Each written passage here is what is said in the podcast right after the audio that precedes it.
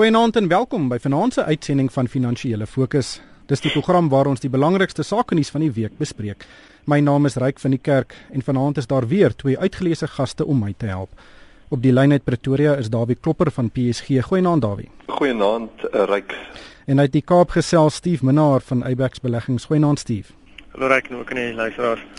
Wel ons gaan vanaand uh, gesels oor Goldman Sachs se omstrede verslag oor die ekonomiese en sosiale prestasie van Suid-Afrika sedert 1994.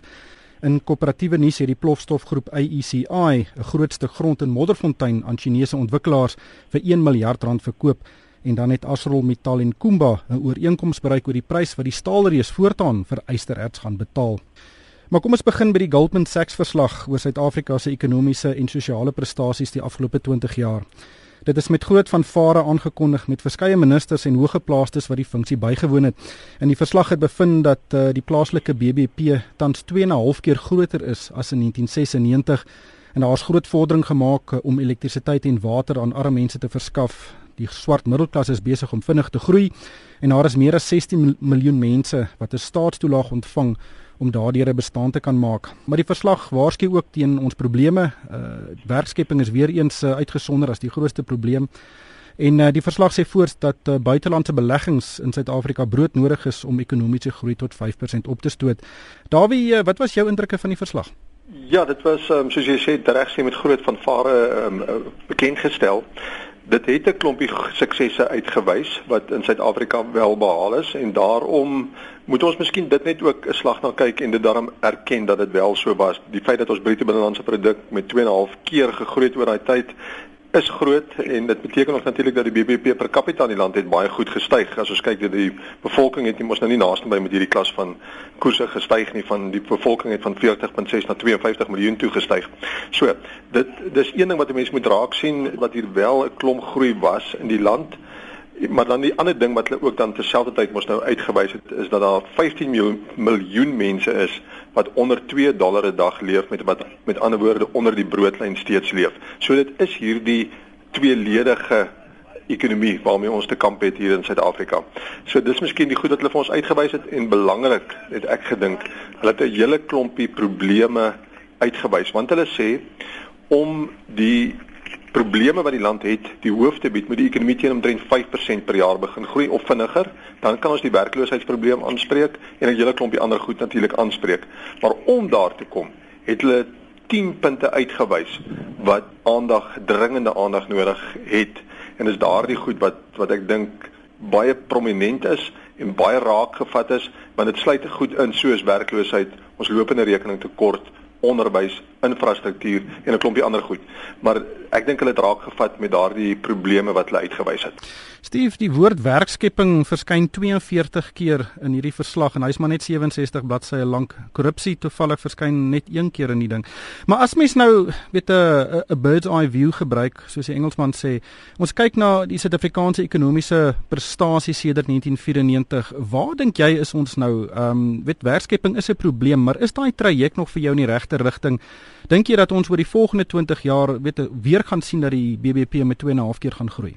Ehm um, ek sal sekerlik hoop dat ons dit kan kan regkry want as dit nie regkry om soveel te groei nie, dan gaan ons definitief nie werk skep nie en sonder werkskeping het ons 'n geweldige probleem, jy weet. Ehm um, ons praat reeds van 'n verlore generasie. Dit is nou mense wat jy weet nie skool klaar gemaak het nie of wat wel skool gemaak het met 'n baie substandaard matrieksertifikaat. Jy weet so dis dis mense wat nie weet ten volle kan deelneem aan die ekonomie nie, miskien harde aan ander arbeid kan doen. Jy weet dit het ook as as mense nie werk het nie, is dit ook weet dis net 'n finansiële impak wat dit op die land het in terme van hoeveel weet ekonomiese aktiwiteit jy kan genereer, maar dit is ook 'n groot sosiale probleem, weet dis in terme van mense se eie ware wat aangetast word want jy het nie 'n werk nie, jy sit by die huis, weet ensovoorts ensovoorts. So dis werklik waar ek dink dit is een van die groot probleme as ons mense nie werk kan kry, jy weet jy net 'n 'n totale ander uitkyk op die ekonomie en op die toekoms van die land. So ek hoop werklik waar ons kan dit adresseer. Dit is baie moeilik met enige ekonomiese of finansiële analise om 'n ding heeltemal op sy eie taal sonder om die konteks te sien. Die laaste 20 jaar was 'n geweldige groei tydperk vir enige kommoditeit gewees as gevolg van die groei wat ons uit China gehad het. Het natuurlik 'n groot voordeel getrek daaruit. En met die res van die ontleikende ekonomie gebeur het, jy weet, ons is maar saamgesleep met hierdie ding. So dit dit hang alles af wat met die die konteks rondom ons ook gebeur oor die volgende twee dekades in terme van hoe Suid-Afrika kan groei. Weet, ons kan nie op ons eie groei sonder 'n wêreld groei nie. So ja, dit is dit is bly maar 'n komplekse storie, maar ook 'n werklikwaar is kan iets rondom werkskeping, maar daar sonder dit ons 'n groot probleem. In my perspektief is net dit is amper soos 'n skoolseun wat almal sê het baie potensiaal, maar die ouetjie leer nie te hard nie en hy kry net 65%. Dis baie goed beskryf. Dit is ook die die skoolseun het nou al 20 geword daarom en hy moet nou begin uh, sy weet besluit wat hy wil doen met sy lewe. En ek dink ons is op daai punt waar ons nou op hierdie kruispunt is. Dis of nou die hoë route by die die die die, die sogenaamde high road of die sogenaamde low road en ons kan hom nou kies. Maar die een ding wat ons agterweë gelaat het tot dusver en wat ons dringend sal moet aanspreek is opvoeding opleiding in die land, mense gereed maak vir die werksmag so Steve beskryf het.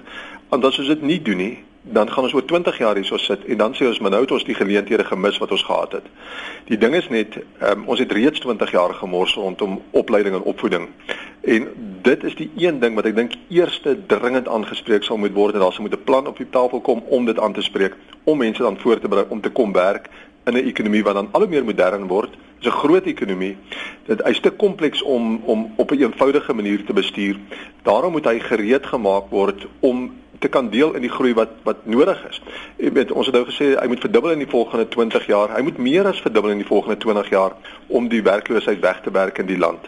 En hierdie ongelykheid wat bestaan in die proses van van 'n klompie mense wat wat uitnemend is en uitnemende resultate lewer versus die wat nie het nie, plaas die land op 'n potensiële kruitvat.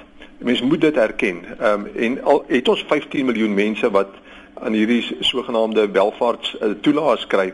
Dis nie die manier om die probleem op te los nie. Ons moet meer mense in die ekonomie betrokke kry, hulle waardigheid lig en in die proses meer mense kry wat kan belasting betaal. En dan het ons 'n wonderlike geleentheid vorentoe in hierdie land. Maar ek dink ons kort bestuur van die land leierskap. Uit ons kort ook uitnemende leierskap in hierdie land wat ek dink nie ons het op die oomblik nie. Ja, ons kan eintlik die hele aand daaroor gesels, maar kom ons kyk 'n bietjie uh, na nog koöperatiewe nuus. Uh, ArcelorMittal en Kumba het hierdie week 'n ooreenkoms bereik wat hulle geveg sedert 2009 nou beëindig en dit volg nadat ArcelorMittal nie sy ou orde mynregte tot nuwe regte omgeskakel het nie en die hele Imperial Crown Trading groep wat skielik daai regte gekry het of daarop aanspraak gemaak het. Maar kom ons terug net na die verskaffingsooreenkomste tussen Kumba en ArcelorMittal wat baie belangrik is vir of was vir ArcelorMittal omdat hy uit die Sishen myn uit um, ystererts gekry het teen 'n kosprys plus 3% in 2009 en uh, dit het hy nou verloor uh, maar nou het hulle ooreengekom uh, Steve dat uh, hulle in die toekoms kosprys plus 20% gaan betaal. Dit klink baie meer, maar is eintlik 'n goeie ooreenkoms vir ArcelorMittal. Ja, ehm um, jy weet dis dis mens weet nie presies wat wat Kumba se kosprys is om um, in die verskillende myne waar hulle die um, die erts lewer aan aan metal nie. So dis nie so eenvoudig om te sê presies wat hulle per ton gaan betaal nie. Die die rowwe syfers wat ek sover hierdie week gesien het op die oomblik betaal hulle omtrent 65 dollar per ton en dit behoort te val na so 60 dollar per ton. Dit is rowweg die syfers wat wat rondgegooi word. So dit is 'n bietjie beter vir metal. Uh, maar ten minste is daar nou sekerheid. Hulle weet presies wat aangaan. Hulle weet dit hulle wel hulle hulle erts gaan kry want dit is ook weet um, ter sprake op 'n stadium of genoeg na verder enige erts gaan kry bekom. En natuurlik ook na watter myne in gedrang gaan wees, weet kom met transition afkom van Tabazimbi af um, ensovoorts. So ek dink ten minste is 'n stap vorentoe wat uh, wat nou geneem is en ek dink dalk kan beide partye aangaan met hulle besigheid. Dawie die uh, die aandeleprys het van oor die R100 afgeval tot R24 uit nou weer herstel tot rondom R40. Dit moet seker aantreklik begin lyk omdat daar nou sekerheid is veral omdat al die baie ander aandele so duur is. Ja, dis so sekerlik moet dit so wees. Die maatskappy is nog nie duur op hierdie vlakke nie, as mens dit nou vergelyk met sy historiese waardasie vlakke nie. En tereg soos jy sê, daar is nou sekerheid oor die prys wat hulle gaan betaal vir hierdie um, ystererts wat hulle bekom. Dit is natuurlik dit is 'n goeie transaksie vir hulle op hierdie stadium as mens vat waar die ysterertspryse nou staan. Dit gaan dit beteken hulle kry hierdie ystererts teen dramaties beter pryse um, as wat andersins sou beskikbaar gewees het. So dis 'n goeie transaksie vir um, ArcelorMittal. Ek dink mense moet nou ook aan die ander kant van hierdie transaksie gaan kyk natuurlik hoe lyk die vooruitsigte vir daardie sektor en vir die vir die mark waarin hy wil speel en waar hy betrokke is, gaan die wêreldekonomie herstel want ek dink dit gaan 'n groot rol nou speel uiteindelik of daar genoeg vraag vir gaan wees vir die staal wat hulle produseer. En as dit aan die ander kant ook in plek is, dan is um, AMSA dan 'n goeie koop waarskynlik op hierdie vlakke.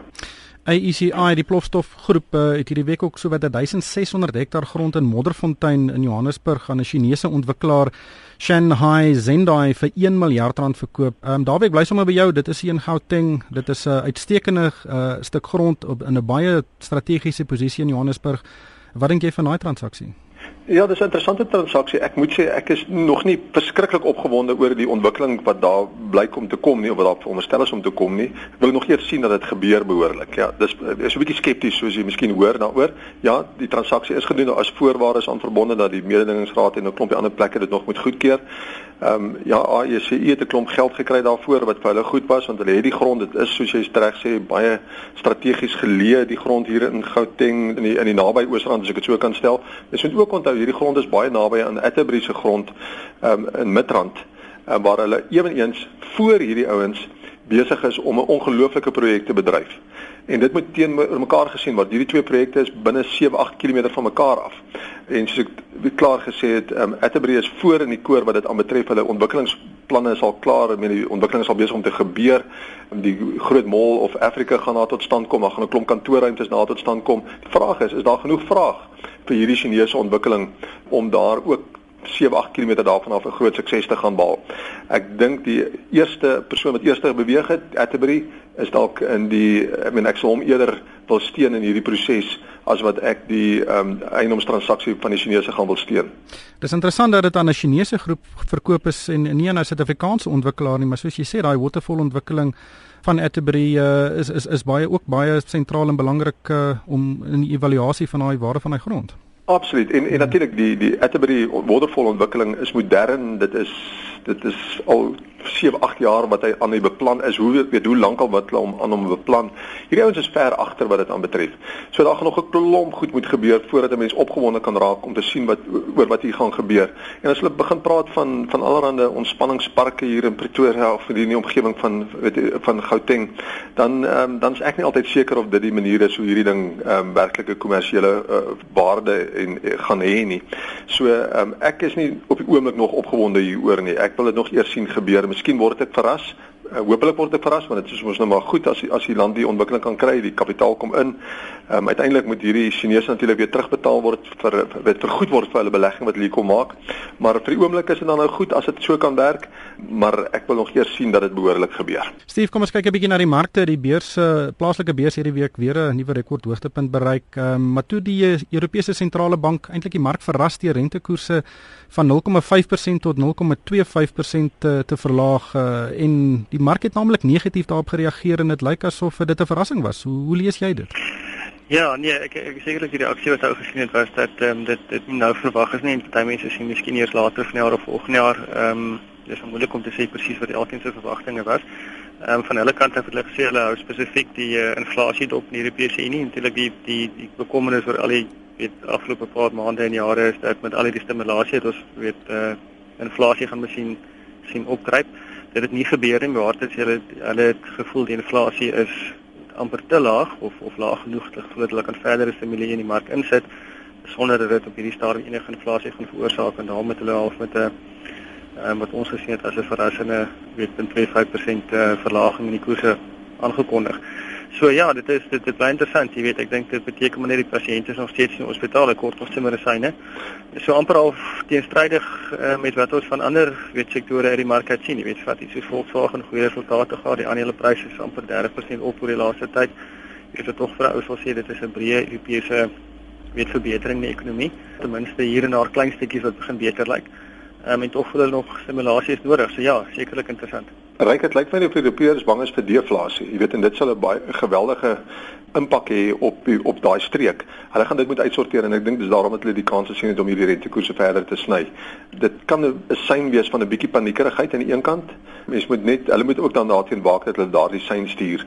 Maar daar's 'n aanpassingsproses aan die gang van die lande in die suide en dit is deels die rede hoekom die inflasiekoers so laag bly daar. Net laastens Steve Twitter het hierdie week in New York genoteer die sosiale netwerk en sy aandelepryse het regtig baie goed vertoon en amper verdubbel van die uitgifteprys en dit lyk nou baie meer suksesvolle notering as byvoorbeeld Facebook se.